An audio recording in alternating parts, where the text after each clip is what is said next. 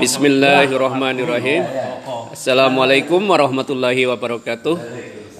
Semangat berjumpa kembali para pemirsa eh, podcast eh, untuk siaran bersama eh, mutu kehidupan dan juga umat berdaya. Pagi ini kita akan berbincang tentang hal yang sederhana tapi mungkin butuh eh, kecerdasan tersendiri untuk memulainya, yakni menyegarkan kembali rencana besar untuk menjadikan masjid sebagai pusat kemakmuran, ya, kemakmuran umat.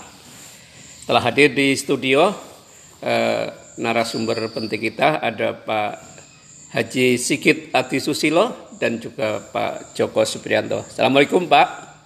Ya, sehat Pak.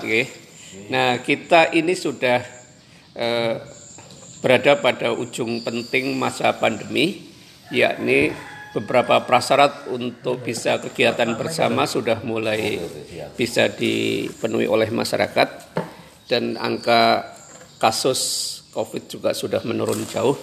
Maka dari itu eh, sudah saatnya masjid-masjid kita untuk bersiap eh, membuka gerbang kembali bagi kegiatan pemakmuran dan kemakmuran umat ya. Nah, uh, ya namanya ibadah itu ya ya ikhlas ya. Ibadah itu ya ikhlas. Ke masjid itu ya niatnya yang ikhlas gitu ya. Ikhlas beribadah hanya kepada Allah. Uh, ewodene ke masjid kemudian ada ada tambahan-tambahan misalnya sesuatu yang yang menjadikan e, perut kenyang, badan sehat, pikiran segar itu ya nggak apa-apa kan itu. Ibadahnya kan sudah kena kan itu, sudah kena. Oleh karena itu e, ada tiga hal yang mungkin akan kita bahas. Yang pertama menyangkut e, kesiapan baru apa yang perlu dilakukan oleh masjid dalam rangka membuka gerbangnya untuk kegiatan-kegiatan umat itu nanti kepada Pak Sigit. Kemudian yang kedua kepada Pak Joko. Eh, hal penting apa yang perlu disiapkan di tingkat manajemen masjid agar ketika umat kembali ke masjid itu eh, suasana semua bisa tersantuni terlayani gitu ya. Kemudian yang ketiga eh, mungkin catatan umum nantilah kira-kira kepada Pak Sikit kira-kira nah. uh, apa ini yang perlu dipersiapkan agar uh, masjid ini kembali bisa menjadi sarana untuk memakmurkan dan kemakmuran umat. Monggo Pak Sikit. Iya, Waalaikumsalam. Iya, langsung saja mengingat waktu dan suasana sudah menjelang pagi. Ya terima kasih Pak Ter. Ya ya saya kira untuk persiapan yang jelas siap persiapan mental dari para jamaah ya. untuk melaksanakan tugas dan kewajiban kita sebagai umat dan hamba Allah itu. Terus yang kedua sarana dan prasarana hmm. karena kemarin juga di masa pandemi untuk aktivitas di masjid juga berkurang tapi alhamdulillah masjid kita masih bisa berjalan dengan protokoler kesehatannya dan ketiga adalah daya dukung dan sarana prasarana dari masjid untuk kenyamanan dalam pelaksanaan ibadah harian ataupun ada momen-momen tertentu. Hmm. Jadi di situ ada mental, ada niat, prasarana dan daya dukung dari umat. Saya kira Artinya itu. Artinya secara persiapan cukup mantap Pak Sikit ya untuk Insya Allah. kembali ke masjid ya. Jadi itu sudah menjadi salah satu tanggung jawab dari para jamaah sebenarnya. Hmm dan di sini difasilitasi dari takmir sendiri okay. dalam pelaksanaan proses ibadah supaya lebih nyaman dan apa ya pak namanya itu bisa berjalan lebih baik okay. di masa setelah pandemi. Baik, terima kasih Pak Cikit. Selanjutnya kepada Pak Joko Suprianto. Uh, fungsi-fungsi penting masjid yang harus direvitalisasi Pak ya setelah uh, terpuruk di masa pandemi. Masa pandemi. Ya. Ini eh, apa saja dan kemudian bagaimana itu harus dilakukan Pak Pak Joko. Baik. Ngapa sih Pak Taranto?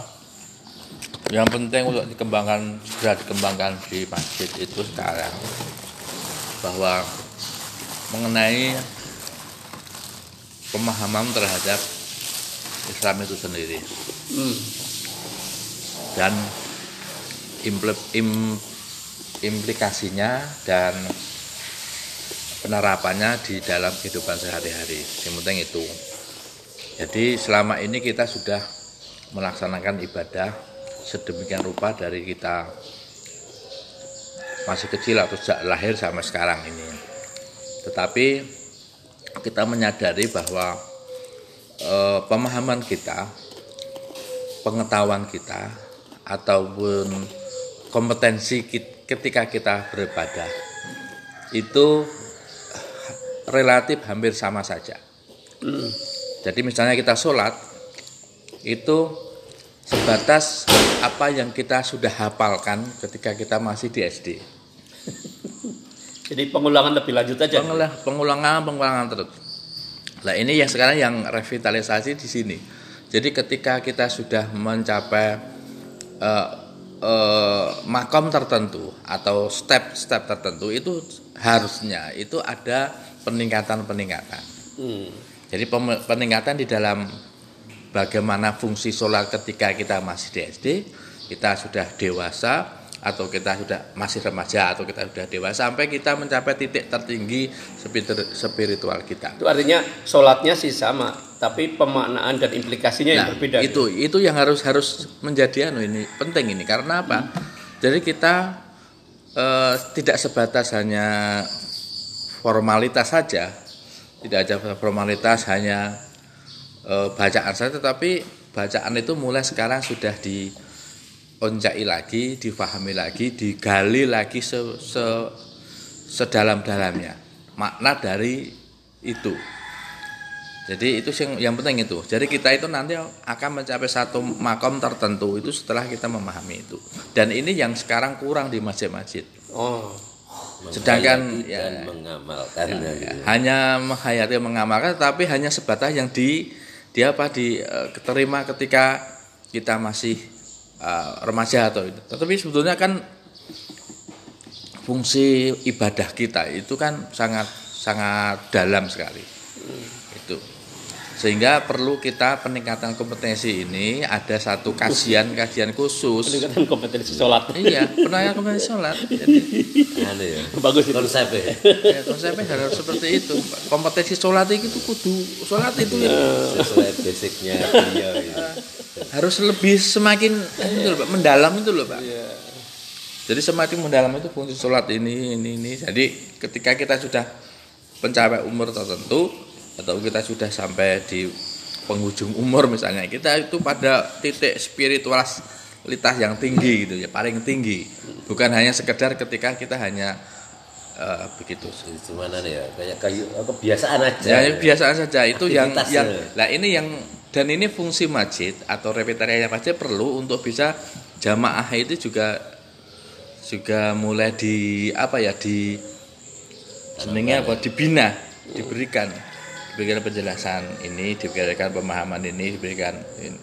saya kira itu jadi yang disampaikan orang guru ciri-ciri orang serat lah guru ini oh, ciri-ciri orang serat kan ya bertahu pada oh guru ngono kita lebih dalam takwa sing itu sing piye gitu loh Iya.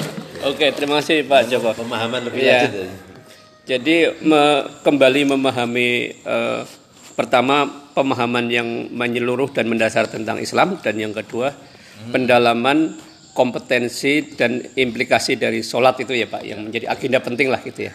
Baik. eh, dan bukan hanya sholat sebetulnya oh ya salah satunya lah ini ya. ya, Ya, di, ya. di apa di ketika kita berkorban ketika Ya. kita melaksanakan Ya. sholat Idul Fitri kejumatan Ya. dan sebagainya Ya oke. artinya itu sing korban itu ya harus harus mulai difahamkan sebe- seberapa filosofinya korban itu Sama dimensi-dimensi yang terkait ya. Oke. guru orang guru korban itu ada yang bayar kok insya Allah bisa gitu lah Baik, terima kasih Pak Joko. Jadi eh, kembali ke Pak Sigit ya. Ini gini Pak Sigit. Eh, malah jadi rame. Apakah apakah kemudian ibadah-ibadah itu hanya hanya cukup mengantarkan seseorang sampai pada tingkat kesalehan pribadi ya ataukah justru kepada menjadi pada tingkat kesalehan semesta gitu ya Iya ini. Nanti gini. Iya. Ini Anu ya. Batasan pemikiran saya saja. Eh, saya melihat seram itu orang itu melaksanakan ibadah itu dasarnya kayaknya mematahkan kewajiban. oke menggugurkan Nah, menggugurkan ya bahasanya yang lebih enak itu.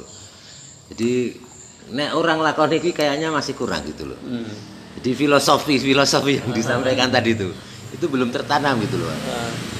Tapi memang itu menjadi PR kita semua lah. Hmm.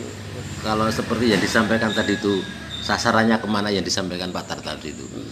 Nah sekarang yang tahu itu siapa, bagaimana caranya, terus wadahnya seperti apa supaya mereka itu bisa berpikiran seperti itu. Oke. Permasalahannya seperti itu, Pak. Jadi mereka itu sudah ada niat dan minat untuk melaksanakan ibadah di masjid.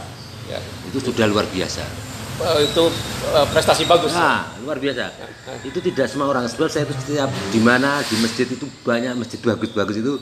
Saya teko ya untuk tua tok. Kadang saya mampir di mana gitu. Di sini tuh alhamdulillah gitu. Eh, segala Ah. eh, strata umur Nah, maksudnya. jadi segala posisi umur dari anak-anak, dewasa, mungkin ibu-ibu sebenarnya kalau dibuka kerannya lagi juga banyak sebenarnya. ya. Cuman di sini tadi yang saya sampaikan ada wadah yang tahu siapa, ya toh, cara penyampaiannya gimana supaya kita bisa meningkat derajat ketakwaannya itu tadi. Itu yang wajib Lebih baik. mengadani, Mas. ya? Nah iya, jadi di sini kan banyak ahli seperti Pak Tar, Ustadz Joko. Sinter lagi ya, di sini juga ada Pak Kemenak-Kemenak itu mungkin bisa dimanfaatkan. Mereka juga eh, ahli di bidangnya. Ya. Dan saya kira kalau kita buat kemasan dalam penyampaian itu lebih enak, lebih bagus.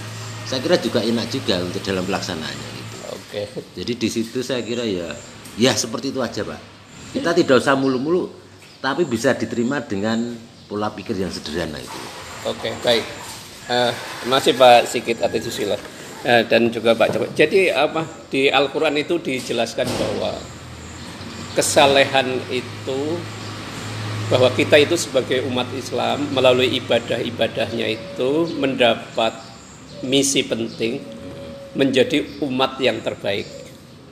Umat yang terbaik yang diperintahkan oleh Allah untuk mengajak manusia dari eh, mengeluarkan manusia dari kegelapan kepada hal terang. Yang terang. Hal terang itu ya. Nur Jannah. Gitu. Nah, itu yang kedua eh, ibadah yang tidak sampai menimbulkan tindakan sosial yang baik.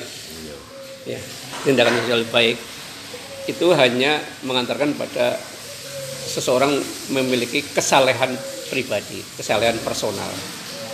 Nah, itu tadi, Pak. ya kesalehan personal. Nah kalau kesalehan semesta adalah kesalehan terhadap pribadi, tetangga, lingkungan dan wilayah di mana mereka hadir gitu ya. Itu kesalehan semesta. Cakupan. Cakupannya itu. Nah kalau kemudian eh, ibadah yang hanya menjadikan eh, seseorang hanya saleh secara pribadi merasa hubungannya dekat dengan Allah saja gitu itu apa eh, disinyalir oleh Al-Quran sebagai eh, ibadah yang eh, memperindah siulan gitu.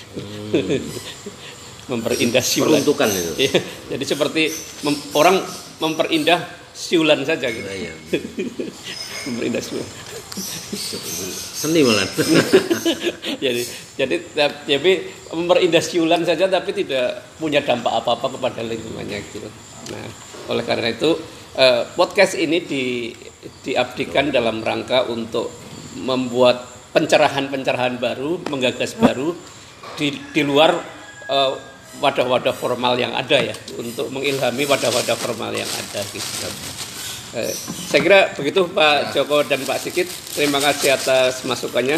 Eh, terima kasih kepada para pemirsa dan penikmat podcast Mutu Kehidupan dan Umat Berdaya. Jadi. Dengan demikian eh, ibadah yang kita lakukan harus makin ikhlas dan juga makin jelas dasarnya dan makin dalam filosofinya Iya, dan betul. makin luas konteksnya. Betul. Gitu ya. Konteks dan relasinya.